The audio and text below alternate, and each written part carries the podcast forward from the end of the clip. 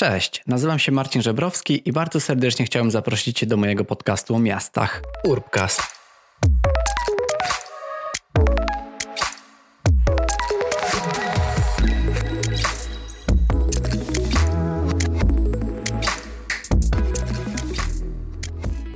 Cześć, witajcie nie tylko w nowym miesiącu, ale także w nowym sezonie mojego podcastu.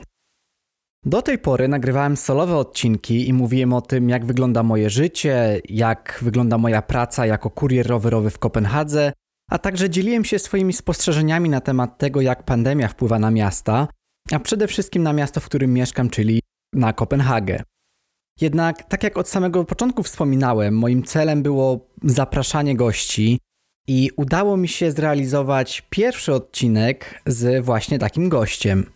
Radek jest prywatnie moim znajomym ze studiów, natomiast zaprosiłem go do mojego odcinka przez pełnioną przez niego funkcję. Radek Ziembora jest podinspektorem w Wydziale Strategii Rozwoju Miasta w Biurze Funduszy Europejskich i Polityki Rozwoju Urzędu Miasta Stołecznego Warszawy. Porozmawialiśmy z Radkiem na temat tego, jak zmieniła się jego praca podczas pandemii, jak w ogóle zmieniała się cała Warszawa w czasie pandemii, jak i po pandemii. Rozmawialiśmy o pozytywnych przykładach zmian i reakcji władz miasta na to, co wydarzyło się w mieście, a także czy Warszawa wyjdzie z tej całej pandemii obronną ręką i jak będzie wyglądała w przyszłości. Dokąd zmierza Warszawa, z kogo może czerpać przykład, jakim miastem będzie, czy będzie miastem przyjaznym do życia. Co Warszawa ma najlepszego? Z czego będziemy mogli rozliczać Rafała Trzaskowskiego? Oraz czy Kopenhaga jest pewnym nauczycielem dla Warszawy, czy już nie do końca. Z racji tego, że Radek jest także pracownikiem kawiarni Wrzenie Świata, porozmawialiśmy o tym, jak zmieniła się gastronomia, a także co pomogło im przetrwać podczas pandemii. Ile osób mogliby zmieścić w swojej kawiarni, jeśli zastosowaliby się do zalecanego dystansu. Rozmawiamy także o tym, jak rowery mogą zmieniać świat, jak rowery zmieniają Warszawę, dlaczego warto jest jeździć na rowerze i dlaczego w opinii Radka Warszawa ma najlepszy transport na świecie. Docelowo mieliśmy porozmawiać o strategii rozwoju Warszawy, natomiast rozmowa tak nam się kleiła, tak dobrze nam się rozmawiało, że z racji tego, że rozmawialiśmy ponad półtorej godziny, to podzieliłem ten podcast na dwie części. Także rozmawiamy o pandemicznym czasie w Warszawie w pierwszej jego części, Natomiast druga część będzie w całości poświęcona strategii rozwoju Warszawy 2030. Więc póki co ogromną przyjemnością zachęcam Was do wysłuchania rozmowy z Radkiem. Zapraszam.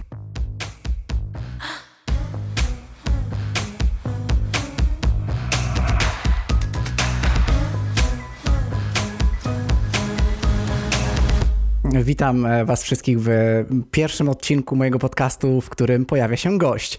I tym gościem dzisiaj jest Radek Ziembora, który jest pracownikiem Urzędu Miasta Stołecznego Warszawy. No i co? Witam Cię serdecznie. Cześć, witam.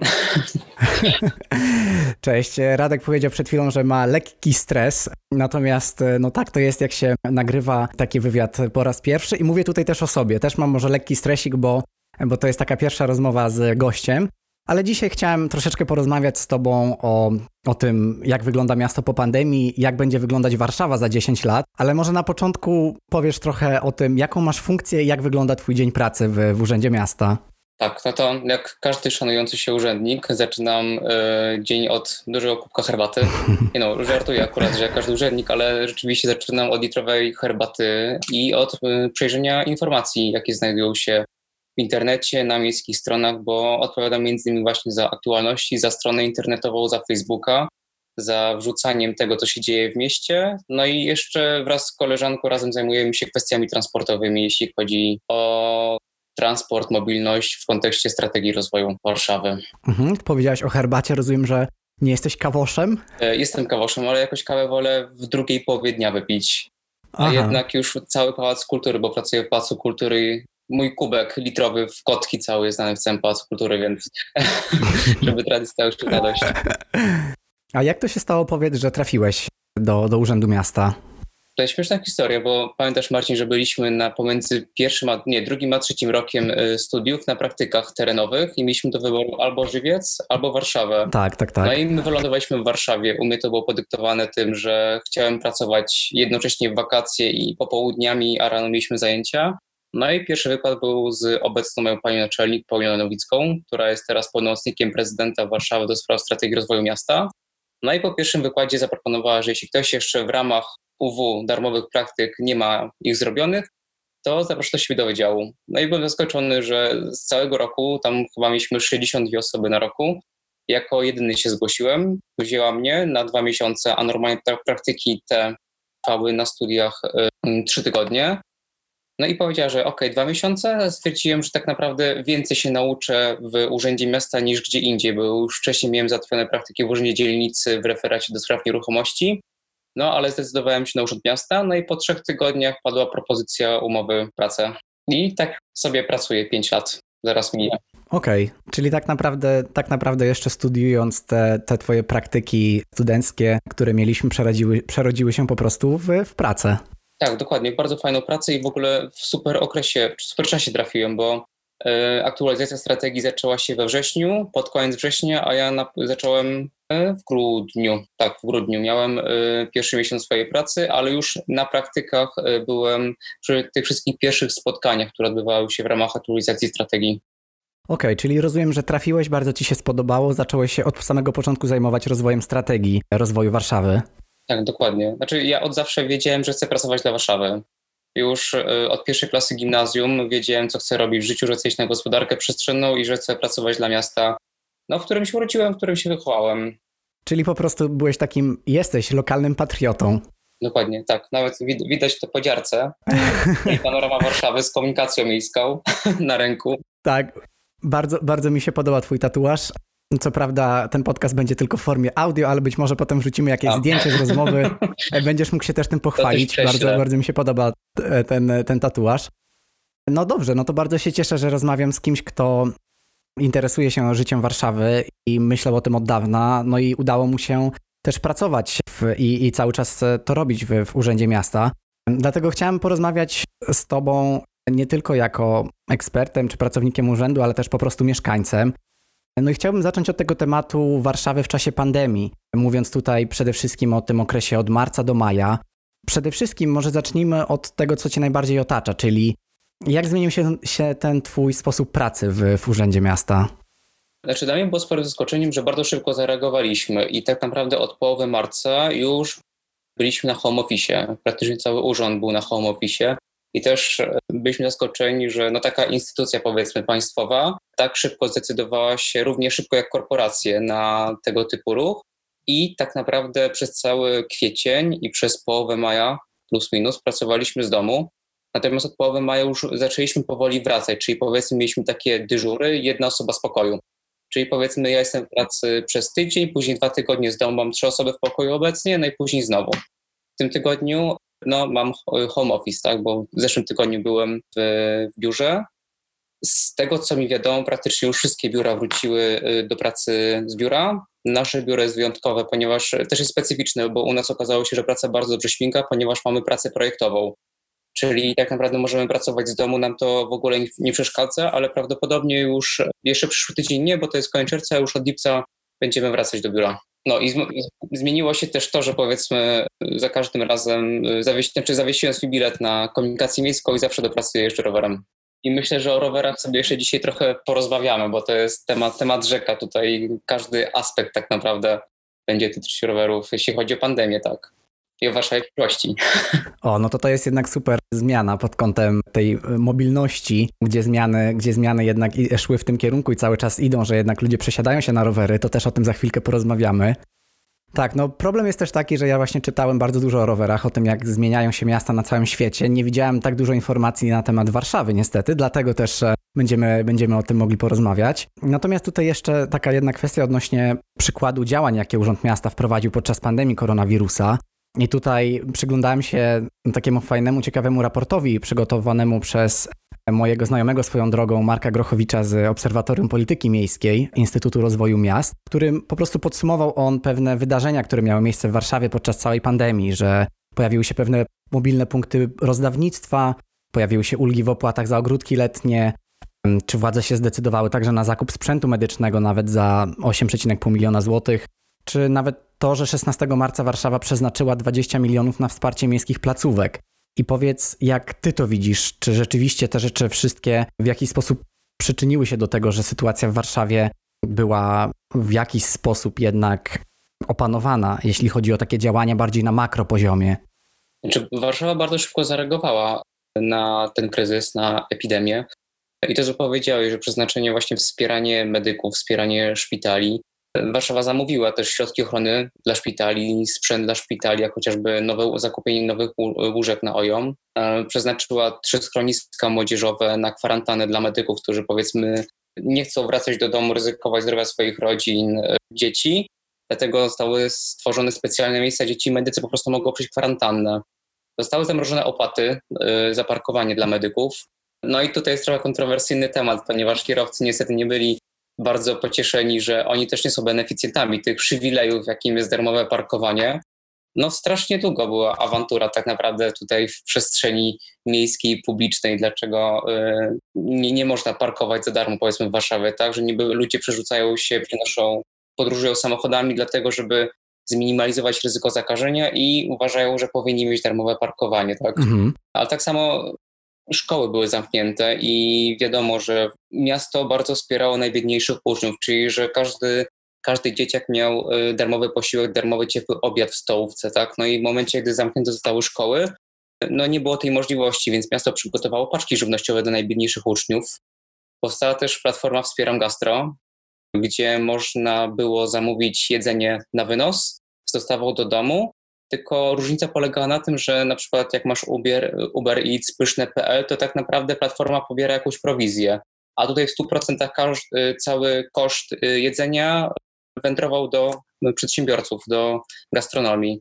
Tak samo pojawiły się dotacje dla NGO-sów, pojawiło się dotacje dla ludzi kultury, sektora kultury. Tego naprawdę było mnóstwo. Okay. bardzo, znaczy, bardzo mi się spodobało, co też się trochę wpisuje w realizację strategii, yy, pomoc seniorom. Nie wiem, czy zauważyłeś, ale na początku pandemii Warszawa okay. ruszyła z kampanią informacyjną, powstawały plakaty, że można było wpisać, zostawić na klatce schodowej y, imię, nazwisko, y, numer y, powiedzmy mieszkania, gdzie można się zwrócić do osoby, która zrobi ci zakupy, tak żeby seniorzy nie wychodzić do sklepów, nie narażali się na koronawirusa. Tak, słyszałem o tym właśnie, że coś takiego miało miejsce i no, radowało to moje serce, że ludzie jednak w obliczu takiej pandemii są w stanie sobie pomagać. Dokładnie. Mój brat cioteczny od razu pierwszego dnia wystawił taką kartkę. Tak ja niestety nie mieszkam jeszcze w, mieście, znaczy w centrum, powiedzmy tak, w bloku mieszkam w domku, więc nie mam tutaj zbyt wielu sąsiadów, którym mogłem pomóc. Natomiast na pewno jakby mieszkał też bym taką kartkę wywiesił. Mhm, Okej. Okay. No to to na, to na pewno są fajne przykłady działań. Pytanie, czy jeszcze coś więcej e, w tym temacie się wydarzyło. Mówiłeś, e, pamiętam o takiej sprawie, jak, od, e, jak to, że przyroda też odżyła w mieście. Jak to, jak to wyglądało? Tak, zdecyd znaczy zdecydowanie może nie tyle w Warszawie, bo Warszawa chyba nie ma mhm. aż takiego problemu, powiedzmy, jak Wenecja, czy chociażby pojawiały się w internecie różnego rodzaju zdjęcia, na przykład, że w momencie, gdy Wenecja, miasto we Włoszech, które najbardziej było dotknięte w pewnym momencie koronawirusem, zamarł ruch turystyczny, ludzie nie wychodzili z domów i w tym momencie przyroda odżyła. W kanałach weneckich pojawiły się ryby, ptaki, łabędzie. W Warszawie trochę na mniejszą skalę, natomiast y, zauważalne było to, że na przykład łosie pojawiały się w centrum miasta, czy w Parku Skarżewskim, czy nad Wisłą, tak, przy Stadionie Narodowym, więc tak, ta przyroda głęboko wchodziła w, w centrum miasta. Mhm. Okej, okay, no tak, to jest, to jest na pewno bardzo dobry aspekt. Myślę, że też to, że ludzie zorientowali się przynajmniej po tym, jak ta naj, najcięższa forma kwarantanny została zniesiona, że dużo przyjemności może sprawić przejście do parku czy przejechanie się gdzieś rowerem. I pytanie, czy, czy też zauważyłeś, że ta aktywność fizyczna w jakiś sposób wzrosła? Tak, zdecydowanie. Ludzie nagle poczuli, że po pierwsze są jednostkami, które potrzebują interakcji z drugim człowiekiem, a po drugie potrzebują ruchu. I zauważalne było oczywiście, że ludzie, ponieważ siłownie zostały zamknięte, również te plenerowe, to zaczęli jeździć albo na rowerze, albo uprawiać jogging mnóstwo było ludzi widocznych i myślę, że do tej pory się utrzymuje ten sam poziom, że ludzie nie zrezygnowali z tego i jednak stawiają na ruch na świeżym powietrzu. Czy ludzie zauważyli, że rower też może właśnie funkcjonować jako taki środek transportu? Tak, przede wszystkim. Ja sam to zauważyłem bo na rowerze tak naprawdę nie masz żadnego zagrożenia, żeby zarazić się koronawirusem, tak? Bo jak wchodzisz do autobusu, to masz mnóstwo osób, przestrzeń zamkniętą, klimatyzację, a jednak rower jest najwygodniejszym środkiem przemieszczania się, najbezpieczniejszym. Sam zauważyłem. Też y, historia jest taka, że tak naprawdę Warszawa mega się zmieniła, jeśli chodzi o transport rowerowy, infrastrukturę rowerową, tak? chociażby masa krytyczna, która przez wiele, wiele lat co miesiąc przejeżdżała, korkowała całą Warszawę, natomiast nie pamiętam do końca, to było dwa lata temu, stwierdziła, że już poziom infrastruktury rowerowej jest na tyle wysoki w Warszawie, że nie ma sensu robić cyklicznych przyjazdów, bo to był główny postulat warszawskiej masy rowerowej, czy krytycznej rowerowej. Krytyczna masa rowerowa. Właśnie, e, krytyczna e, masa rowerowa. Ten postulat został zrealizowany i teraz odbywają się przyjazdy jakieś okaz okazjonalne, tak powiedzmy, nie wiem, na jakieś święta czy konstytucje. Y, I sam też zauważyłem, że sam zacząłem jeździć rowerem dopiero od zeszłego roku. A dlaczego? Bo mieszkam przy dawnej Krajowej Dwójce na samym końcu Bemowa przy Połczyńskiej i tak naprawdę nie miałem ani ścieżki rowerowej, nie miałem dziurawe chodniki, albo w ogóle tego chodnika nie było i dopiero jak w zeszłym roku w lutym została dana ścieżka rowerowa do, do samej mojej pracy do Pałacu Kultury i do drugiej pracy przy Nowym Świecie. Zacząłem wszędzie jeździć rowerem. To jest 10-11 kilometrów, ale to sprawia mi frajdę i jednak prawdziwe jest to, że najpierw musi powstać infrastruktura rowerowa, żeby później pojawili się rowerzyści. I mało tego, już w zeszłym roku zauważyłem, że po prostu ścieżka rowerowa po kilku miesiącach od oddania do użytku zaczęła się korkować. Mało tego, e, są takie miejsca na mojej trasie z domu do pracy, z pracy do domu, że jak stoję na czerwonym świetle przy prymasa tysiąclecia, to po prostu liczę rowerzystów ile stoi obok mnie i no, liczba sięga 30-40 nawet na jednej zmianie świateł i czasami jedna zmiana świateł nie wystarczy, żeby przejść skrzyżowanie. To jest niesamowite. Tak, korki rowerowe to jest naprawdę piękny widok. Doświadczam tego na co dzień właśnie będąc w Kopenhadze i naprawdę... I bardzo ci tego zazdroszczę, żeby tak było w Warszawie i zobaczysz, jeszcze dogonimy. Znaczy ja mam taką nadzieję. Może nie w ciągu 5 lat, ale 10-15 myślę, że już będziemy rowerowym miastem. Ja, ja mam taką nadzieję, też chętnie dzielę się tymi swoimi obserwacjami, między innymi właśnie w moim podcaście na temat tego, jak wygląda używanie tych rowerów tutaj i staram się też trochę odczarować to, że to nie jest tak, że Kopenhaga jest taka rowerowa, bo to Kopenhaga i bo to są Duńczycy, tylko po prostu jest to kwestia pewnych decyzji, które zostały podjęte w, w, w, pewnych, w pewnym momencie i tak naprawdę ludzie zaczęli traktować ten rower jako bardzo, bardzo wygodny środek transportu. I bardzo się cieszę też teraz, że właśnie jakoś tak naturalnie przeszliśmy do tego tematu rowerów i, i tematu transportu, bo chciałem Cię też zapytać, czy znasz jakieś działania, które urząd prowadził podczas pandemii, ale takie, które wyróżniają się negatywnie?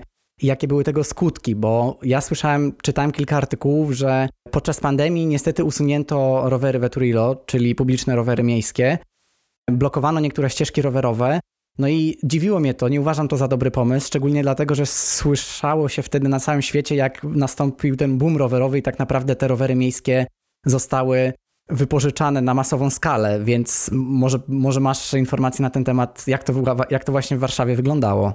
W Warszawie niestety wyglądało tak, jak mówisz, ale to nie była decyzja Warszawy, tylko to była decyzja rządu. Tak naprawdę cała Europa Zachodnia, wszystkie kraje stawiały tutaj na transport rowerowy.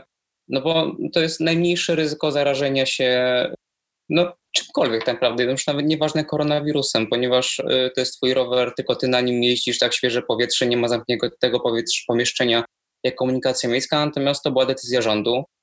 Miasto na każdym etapie konsultowania, jeśli chodzi o znoszenie kolejnych obostrzeń, dawało postulat, żeby rowery miejskie były cały czas dostępne, żeby ich nie zamykać. Niestety te postulaty nie były wysłuchiwane i mieliśmy cały czas zakaz używania rowerów miejskich. Jeśli chodzi o zagradzanie ścieżek rowerowych, o których wspominałeś, to pewnie wiem, o którą sytuację chodzi. Chodzi o pole mokotowskie. To bardziej chodziło o to, że parki były zamknięte i przy okazji zamknięta została ogrodzona taśmą najbardziej popularna ścieżka rowerowa w relacji wschód-zachód, tak? Na trasie, na Walejach Jerozolimskich czy na trasie Łazienkowskiej nie ma ścieżki rowerowej, tylko prowadzi ona przez pole mokotowskie, więc ja byłem gigantycznym przeciwnikiem tej decyzji. No ale niestety nie była ona zależna od nas, tylko niestety od rządu, który po raz kolejny pokazał, to jest moje zdanie osobiste, że po prostu nie lubi rowerzystów. Mhm. Tak jak pamiętam słynną wypowiedź y, pana Waszczykowskiego, ministra w radiu. No rozumiem, no ma, mam nadzieję, że ta sytuacja się zmieni, no i że jednak e, będziemy mieli e, taką pewną zmianę mentalności Ja też mówiłem o tym w, we wcześniejszym odcinku mojego podcastu, że no cieszę się, że cieszę się, jeżeli ludzie zaczynają używać roweru rekreacyjnie, natomiast wciąż jest to troszeczkę za mało, tak? W momencie, gdy zaczniemy jednak, no nie tylko my, ludzie, że tak powiem, z tego młodszego pokolenia, ale, ale także i osoby starsze postrzegać, czy młodsze, postrzegać rower jako, jako taki bardzo efektywny środek do przemieszczania się, no to, no to wtedy tak naprawdę te nasze zdrowie, nasze ciało samo nam za to podziękuje, więc, więc mam nadzieję, że w ten sposób będziemy mogli o tym za kilka lat powiedzieć. Natomiast powiedz mi jeszcze odnośnie innych zmian transportowych, tak króciutko, czyli na przykład wprowadzenie tego weekendowego rozkładu jazdy. Jak to, jak to wyglądało? Tak, to w ogóle było na samym początku pandemii, kiedy były te pierwsze obostrzenia i w komunikacji miejskiej, która kursowała normalnie według dnia powszedniego, okazało się, że praktycznie nie ma pasażerów. No i miasto zdecydowało się na y, ograniczenie częstotliwości i wprowadzenie rozkładu weekendowego. No i powiedzmy w poniedziałek była informacja, że od wtorku będzie rozkład weekendowy, we wtorek był rozkład weekendowy, a tu nagle rząd powiedział, że kolejne ograniczenia e, wchodzą w życie, jeśli chodzi o liczbę pasażerów komunikacji miejskiej. No i było trzeba następnego dnia znowu wprowadzić rozkład jazdy dnia e, powszedniego. Znaczy, ja to rozumiem, bo też wtedy była jedna wielka panika i w Polsce, i na świecie. E, wszyscy bali się koronawirusa i chodziło o to, żeby po prostu kierowcy mogli też spędzić czas w domu, żeby nie ryzykować ich zdrowiem. Z drugiej strony chodzi o oszczędności, tak? Przed nami gigantyczny kryzys i też miasto szukało w ten sposób oszczędności, jeśli wypuści dwa, trzy razy mniej y, komunikacji miejskiej. Więc z jednej strony nie chcę mówić, że to było złe, wprowadzenie weekendowego rozkładu jazdy, natomiast ma to pewne uzasadnienie, tak? Jeśli chodzi o negatywne skutki, to właśnie myślałem, czy powiedzieć to jako pozytyw, czy raczej negatyw, że miasto zauważyło z jednej strony potencjał ulic, mhm. żeby zmienić je powiedzmy na ścieżki rowerowe, inaczej je zagospodarować. Niestety w pełni tego nie, nie wykorzystało. Podczas epidemii powstał pomysł, żeby uporządkować parkowanie w Warszawie. Zostało wytyczonych wiele ulic w centrum miasta, ale również y, i w dzielnicach jakichś obrzeżnych żeby uporządkować parkowanie, skierować samochody na ulicę, a poszerzyć y, chodniki, żeby i piesi, i rowerzyści mogli swobodnie się przemieszczać. Mhm. Wydaje mi się, że tak jak w Berlinie czy w Nowej Zelandii chociaż właśnie dostrzegli potencjał ulic, że to jest dobry moment, żeby zmniejszyć ruch samochodowy w centrach miast, a w Warszawie chyba tutaj trochę tego zabrakło. No tak, tak. Pojawiały się pomysły chociażby z Nowego Jorku, gdzie pojawiła się taka myśl, aby restauracje mogły też może nie zawłaszczyć, ale po prostu wykorzystać kawałek przestrzeni ulicy dla, dla, dla samochodów czy, czy nawet parkingów, aby po prostu ludzie mogli korzystać z tej restauracji, a te ogródki kawiarniane, żeby po prostu były troszeczkę bardziej rozszerzone, żeby też ludzie mogli zachowywać ten dystans, więc myślę, że jest to tendencja, która, e, która będzie się pojawiać jeszcze w, w miastach na całym świecie. Mhm, I, Warszawa też ograniczyła koszty ogródków gastronomicznych teraz dla restauracji. No i na przykład mogłaby te przestrzenie, te ulice przeznaczyć na ogródki gastronomiczne, żeby po prostu przedsiębiorcy mogli się odkuć za te miesiące, gdzie nie mogliśmy korzystać z kawiarni, z restauracji, z knajp. To prawda. E, mam nadzieję, że to jest jeden ze środków, który pomoże władzom miasta, tak, tak naprawdę nie tylko władzom miasta, ale przede wszystkim przedsiębiorcom w jakiś sposób z tego kryzysu wyjść. Na pewno nie suchą stopą, ale, ale jednak mniej obici niż, niż, niż, niż to możliwe. A no właśnie, przechodząc już do tych pewnych skutków, e, porozmawiajmy też chwilę o tym, jak będzie Warszawa wyglądać po pandemii. No i mam tutaj na myśli ten moment mniej więcej od teraz, od czerwca i przez przyszłe kolejne miesiące, jak nawet lata. Czy Warszawa w ogóle jest dobrze przygotowana na przyszłe kryzysy? To jest trudne pytanie, że kryzysów nie jesteśmy tak naprawdę w stanie przewidzieć. One pojawiają się nagle. No i tak jak powiedzmy, jesteśmy w stanie przewidzieć co roku falę kulminacyjną na Wiśle, czyli wody roztopowe, powiedzmy przełom maja i czerwca. Tak jak nie jesteśmy raczej przewidzieć kryzysów, ponieważ nikt z nas tak naprawdę nie myślał jeszcze pod koniec zeszłego roku, w grudniu, że w lutym, w marcu będzie epidemia. Tak? Do tej pory tak nieznana na taką skalę. Nie byliśmy w stanie tego przewidzieć ale warto powiedzieć, że tak naprawdę Warszawa to przede wszystkim mieszkańcy i oni spisali się kapitalnie, czyli posłuchali się apelu, żeby zostać w domu, żeby przerzucić się na y, pracę zdalną. To też podziękowania dla pracodawców, dla przedsiębiorców, że zgodzili się na taki styl pracy. No i sprostaliśmy wyzwaniu tak naprawdę na początku epidemii było mnóstwo filmików w sieci, że Warszawa po prostu świeciła pustkami. Godzina 9 rano, 8 rano, godzina szczytu poniedziałek, a Warszawa jest po prostu pusta, zero ludzi. To było coś niesamowite, więc myślę, że warszawiacy są przygotowani na ewentualne kryzysy i wiedzą, wiedzą jak się zachować. No właśnie, e, chciałem Cię też zapytać o taką rzecz, dokąd zmierza też Warszawa po pandemii. Chciałem Cię zapytać nie tylko jako urzędnika, ale też jako zwykłego mieszkańca. Jakie są w ogóle Twoje odczucia? Bo no z jednej strony wiele zmienia się na plus, tak jak mówisz. Dodawane są też nowe ścieżki rowerowe, czy nowe przejścia naziemne, jak to przy rondzie 40-latka i bardzo mnie to cieszy, że takie zmiany powstają. Ale z drugiej strony, czy Warszawa, czy Warszawa wykształciła w sobie już jakąś formę tak zwanej miejskiej odporności, czyli czy nauczyła się pewnych rozwiązań podczas tej pandemii?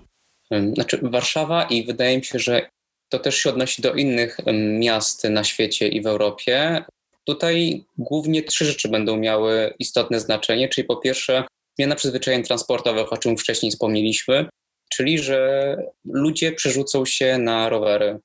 E, to, co wspominałem, że teraz są korki rowerowe na skrzyżowaniach, mnóstwo ludzi przesiadło się na rowery. Nawet jak jadę rowerem, to widzę więcej ludzi przed sobą niż w autobusach, które mnie mijają.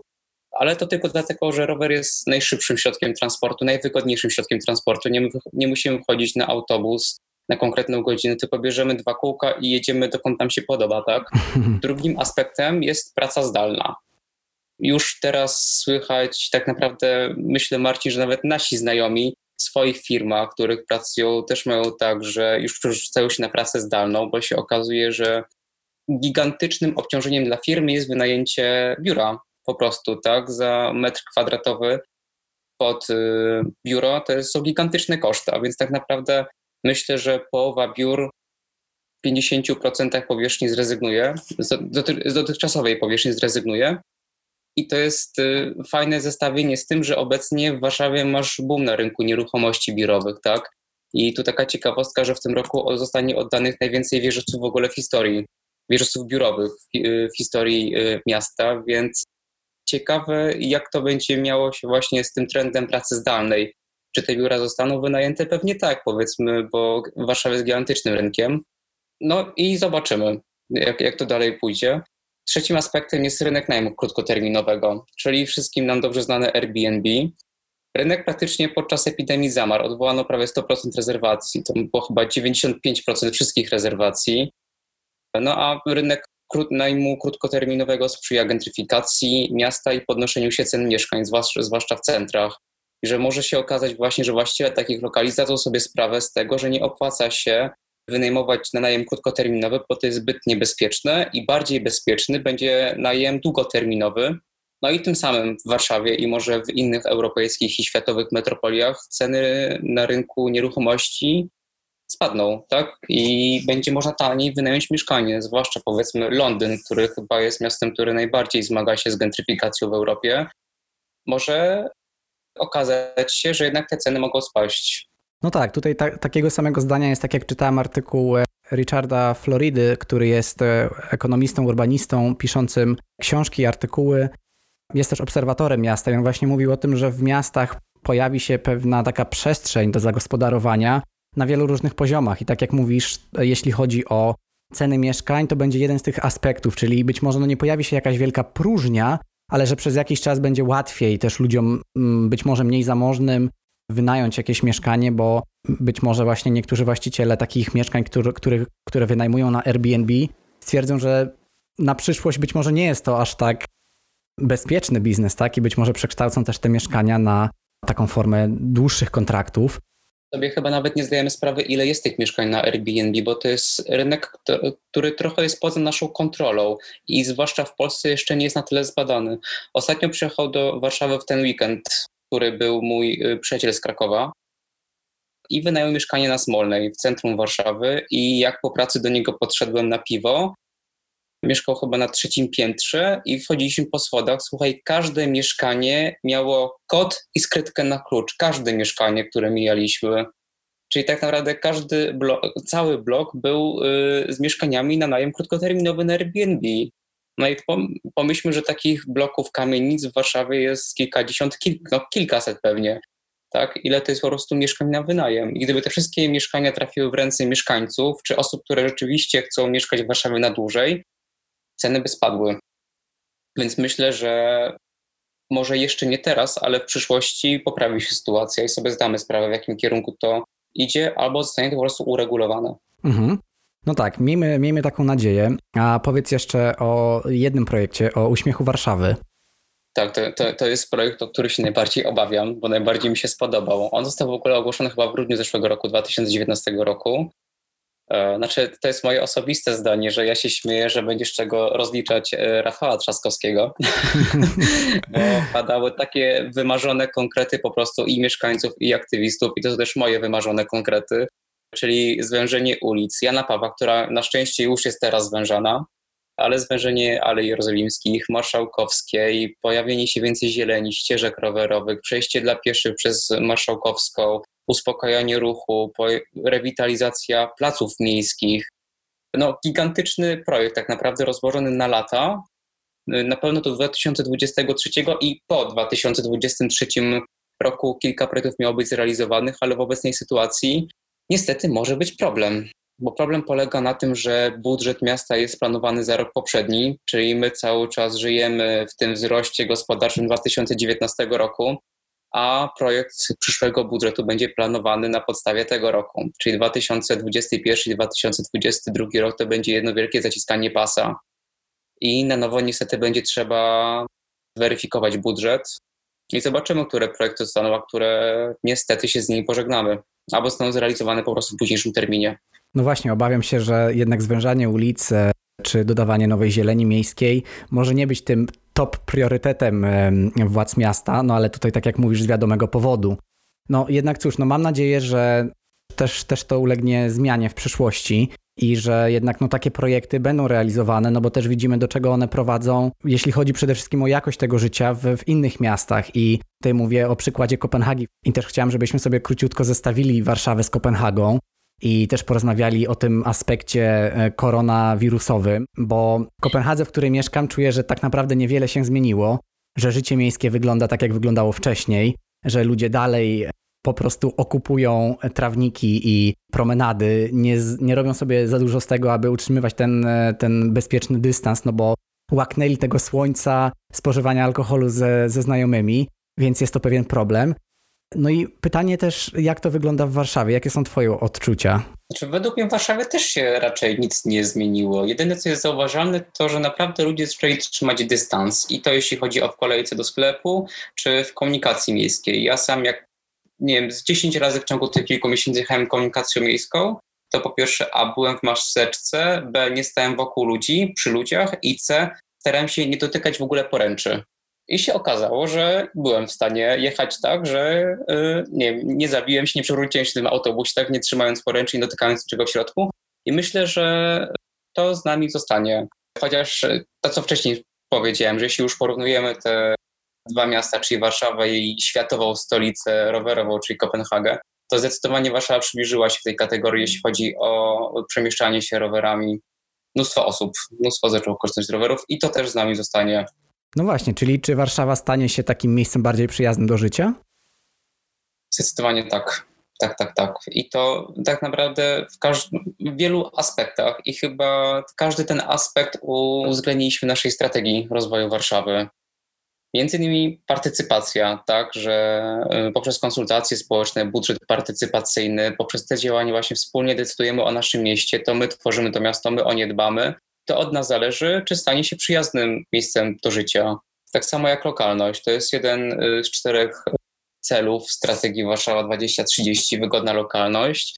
I głównym celem, tak w skrócie, żeby stworzyć Warszawę jako miasto powiedzmy 15-minutowe, to co Anna Hidalgo, burmistrz Paryża ostatnio zapowiedziała kilka miesięcy temu, że chce, aby Paryż był miastem 15-minutowym, czyli żeby zaspokajać wszystkie swoje potrzeby niezbędne do życia, powiedzmy lekarz, sklep, szkoła, praca, przychodnia w ciągu 15-minutowego spaceru i my też staramy się to osiągnąć, żeby tak Warszawa wyglądała właśnie za 10 lat w 2030 roku. Tak samo przestrzeń publiczna. Powstało w ostatnich latach mnóstwo fajnych przestrzeni miejskiej, y, bulwary warszawskie, wiślane. No i ten uśmiech Warszawy, o którym wcześniej wspomniałem, że właśnie mam nadzieję, że powstanie, żeby warszawiacy w końcu mieli takie centrum miasta, o którym zawsze marzyli, bo niestety tego w naszym mieście brakuje. Jeśli chodzi o przyrodę, też jeden z głównych celów i pewnie każdemu warszawiakowi bliski sercu, czyli milion drzew do Warszawy, modernizacja parków. Warszawa też może pochwalić się e, obszarem Natura 2000 w centrum miasta, tak po praskiej stronie Wisły. Które miasto może pochwalić się takim obszarem? No Warszawa jest wyjątkowa pod tym kątem. Tak samo jak mobilność, korzystanie z roweru, Veturilon i to jest moje zdanie i pewnie wielu innych osób, że pasjonatów komunikacji miejskiej, że Warszawa ma najlepszą komunikację miejską na świecie. Punktualna, mnóstwo linii, dostępność transportowa, wszystko to składa się na to, że nie potrzeba tak naprawdę samochodu w naszym mieście i że wszędzie trafimy komunikacją miejską albo komunikacją miejską i rowerem. No i tak naprawdę jeśli chodzi o kwestie gospodarcze, biznesowe, że w Warszawie jest najmniejsze bezrobocie w Polsce, jednocześnie jest największe PKB w Polsce i tak naprawdę jedno z większych w Europie, co przekłada się na zamożność miasta i na inwestycje, które po prostu są u nas realizowane, tak? ponieważ im większe PKB, tym większy dochód do kasy miasta i tym więcej można zrobić dla mieszkańców Warszawy. No tak. Więc odpowiadając skrócznie na Twoje pytanie, tak. Warszawa staje się coraz bardziej przyjaznym miejscem do życia. Też mam takie wrażenie, no Cieszę się, że mogę z Tobą rozmawiać, e, który, który ma też możliwość obserwacji tego wszystkiego. I ja bardzo... tylko Ci przerwę, bo przypomniało mi się, że pamiętam na jakiejś debacie, to była dotyczą, druga debata dotycząca przestrzeni z procesu aktualizacji strategii rozwoju Warszawy. Po zakończonej, znaczy po debacie e, z panelistami głos mogli zabrać mieszkańcy. No i mnóstwo aktywistów podnosiło rękę, jeden, drugi, trzeci, piąty, dziesiąty głos. I oczywiście każdy był negatywny, jaka to Warszawa jest okropna i tak dalej. Po czym podnosi rękę pan, wstaje, bierze mikrofon i mówi, że on jest zdumiony tym, co tu słyszy, ponieważ mieszkał w Kalifornii 15 lat. Przyjechał do Warszawy miesiąc temu, zobaczył, że jest taka debata, stwierdził przyjdzie. On jest zdumiony, jak można takie rzeczy na temat Warszawy mówić, ponieważ on przyjechał tutaj po tych 15 latach i on nie poznał tego miasta. I on się na nowo zakochał i uważa, że to jest najlepsze miasto na świecie do życia i po jego głosie nikt już nie skrytykował Warszawy. Tylko prezydent Olszewski przyznał, przyznał mu rację i podziękował za jego głos. I to jest takie ładne podsumowanie, w jakim kierunku y, Warszawa się rozwija. No cóż, no jak to się mówi, cudze chwalicie, swego nie znacie. Dokładnie. Też, też uważam, chociaż nie mieszkam e, e, już, już jakiś czas w Warszawie czy pod Warszawą, natomiast no, słyszę cały czas o dobrych zmianach, które się tam pojawiają i cieszę się, że tak wysoko oceniasz e, transport w Warszawie. No, mogę się z Tobą zgodzić. Ja e, tak naprawdę też nie potrzebowałem za bardzo samochodu, mogłem się poruszać koleją miejską, czy, czy metrem, czy, czy, czy gdzieś tam czasem podjechać tramwajem i myślę, że w zupełności to wystarczyło. No ale właśnie, z jednej strony mamy taki wielki boom na rowery, e, tak aby ludzie się nie ściskali w tej komunikacji miejskiej, czyli komunikacja miejska niestety traci w tym momencie trochę tych użytkowników. I czy to nie jest tak, że też traci tych swoich pasażerów na rzecz rowerów, a kierowcy, przede wszystkim ci z przedmieść, no dalej zostaną w swoich samochodach jako tych bezpiecznych przestrzeniach, e, gdzie będą bezpiecznie e, odizolowani. No i właśnie pytanie, czy te trendy transportowe mają się szansę w jakiś sposób zmienić? Warszawa przyjdzie się na rowery, to jest oczywiste I, i niestety trochę też do samochodów teraz, ponieważ to, co powiedziałeś, że jest większa izolacja i nie mamy interakcji z innymi osobami.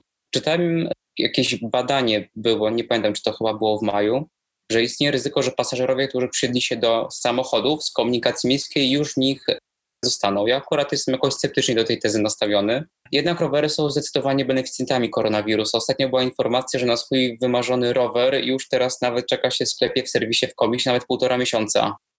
To jest niewyobrażalne, że możesz tyle na rower popatrzeć. Nigdy wcześniej tak nie było. Czekać, no właśnie, więc no to tak naprawdę jest wyznacznik, jak będziemy się przemieszczać po pandemii.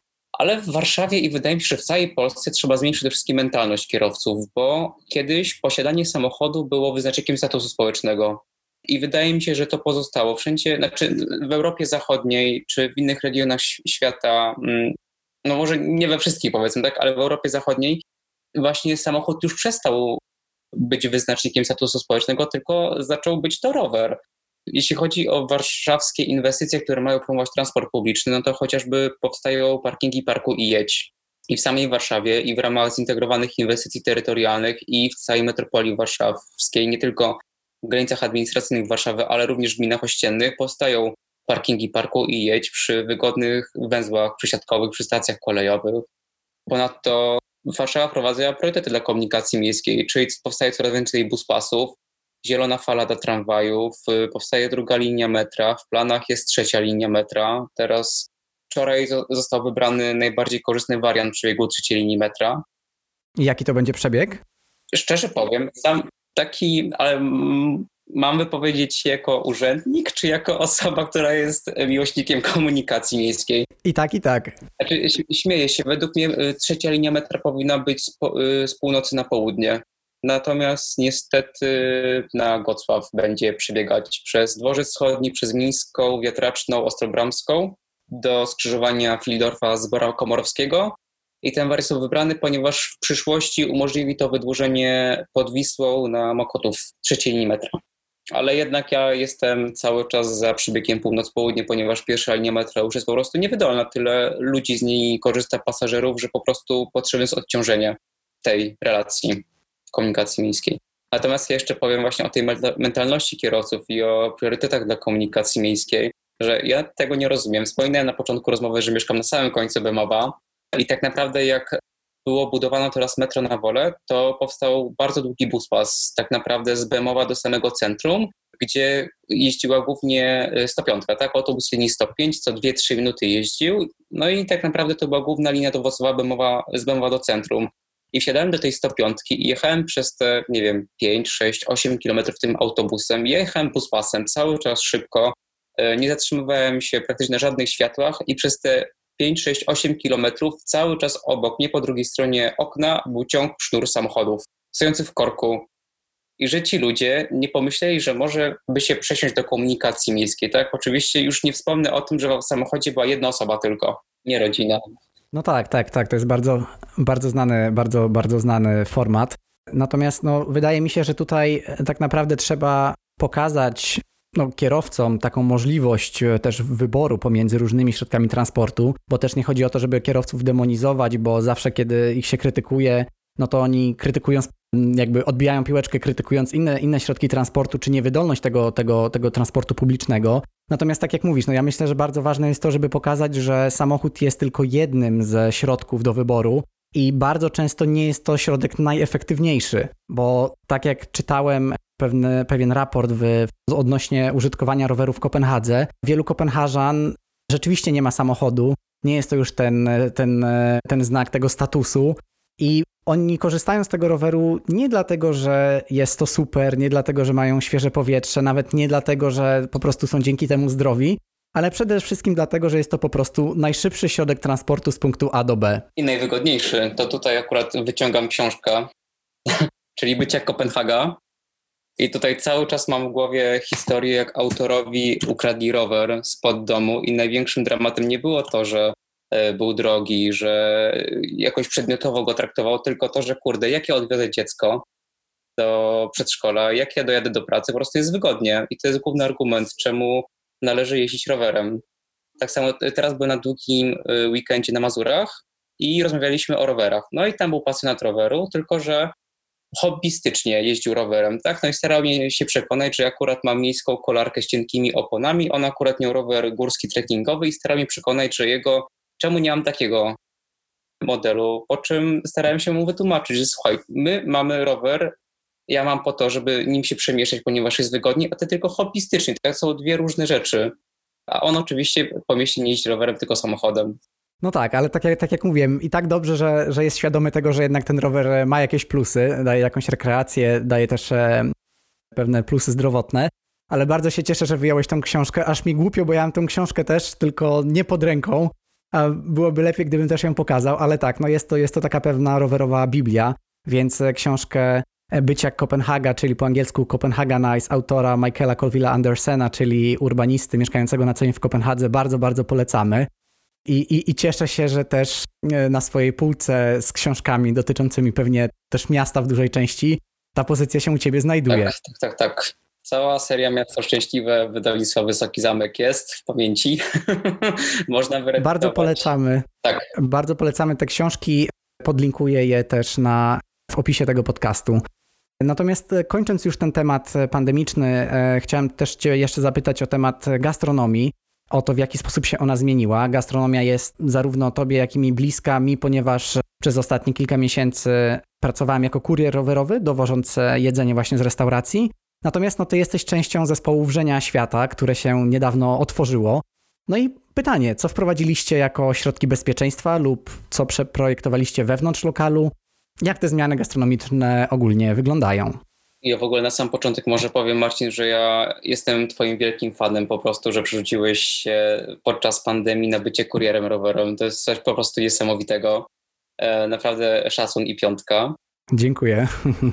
Natomiast e, jeśli chodzi o wrzenie, to zastanawialiśmy się, bo zostało chyba 18 maja pierwsze ograniczenia zniesione, jeśli chodzi o gastronomię, że mogliśmy otworzyć lokal, ale musiały być przyłbice, maski, odległość pomiędzy krawędziami y, stolików 2 metry.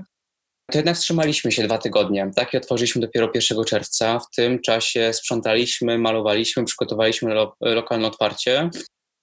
Jak policzyliśmy, ile mielibyśmy mieć stolików w środku w knajpie przy zachowaniu tych dwumetrowych odległości, to wyszło nam sześć stolików.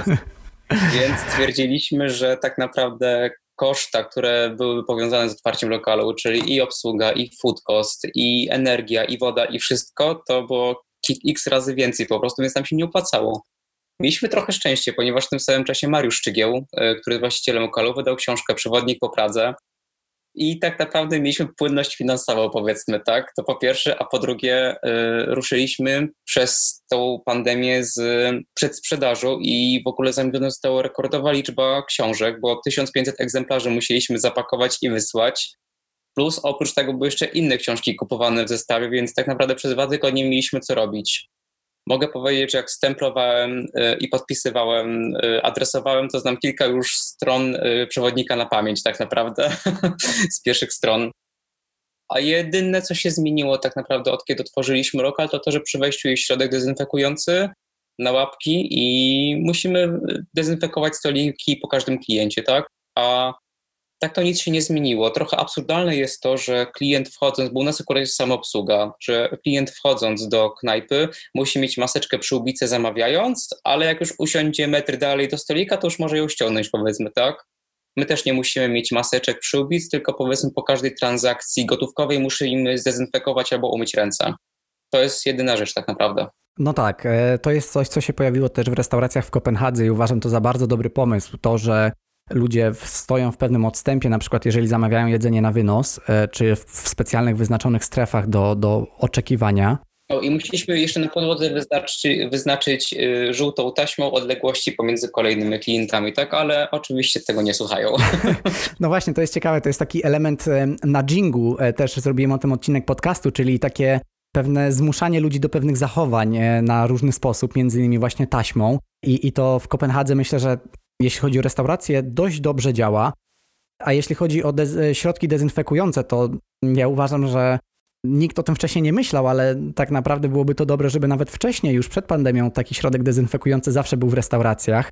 No bo jednak wchodząc, e, wchodzimy z zupełnie różnych miejsc, siadamy, używamy tućców, e, gdzieś tam siedzimy przy, przy, przy tym samym obrusie pewnie, więc też myślę, że byłoby to całkiem dobre, żeby była to rzecz, która by istniała jeszcze wcześniej. Cieszę się, że porozmawialiśmy sobie o tym, jak wygląda Twoja praca, jak ona się zmieniła, e, a także jak wygląda Warszawa w czasach pandemii, ale także jakie może mieć perspektywy po pandemii. Cieszę się, że trochę sobie porównaliśmy Kopenhagę z Warszawą i że nasza rozmowa miała taki wydźwięk, że jest światełko w tunelu, że nastąpią pewne zmiany transportowe, że Kopenhaga nie jest takim niedoścignionym wzorem. Mam nadzieję, że niedługo będzie doścignionym wzorem. Dokładnie. Mam, mam, też taki, mam też taką nadzieję. A póki co, dzięki Ci wielkie za, za rozmowę na ten temat. Również dziękuję za zaproszenie. I to jest koniec pierwszej części naszej rozmowy.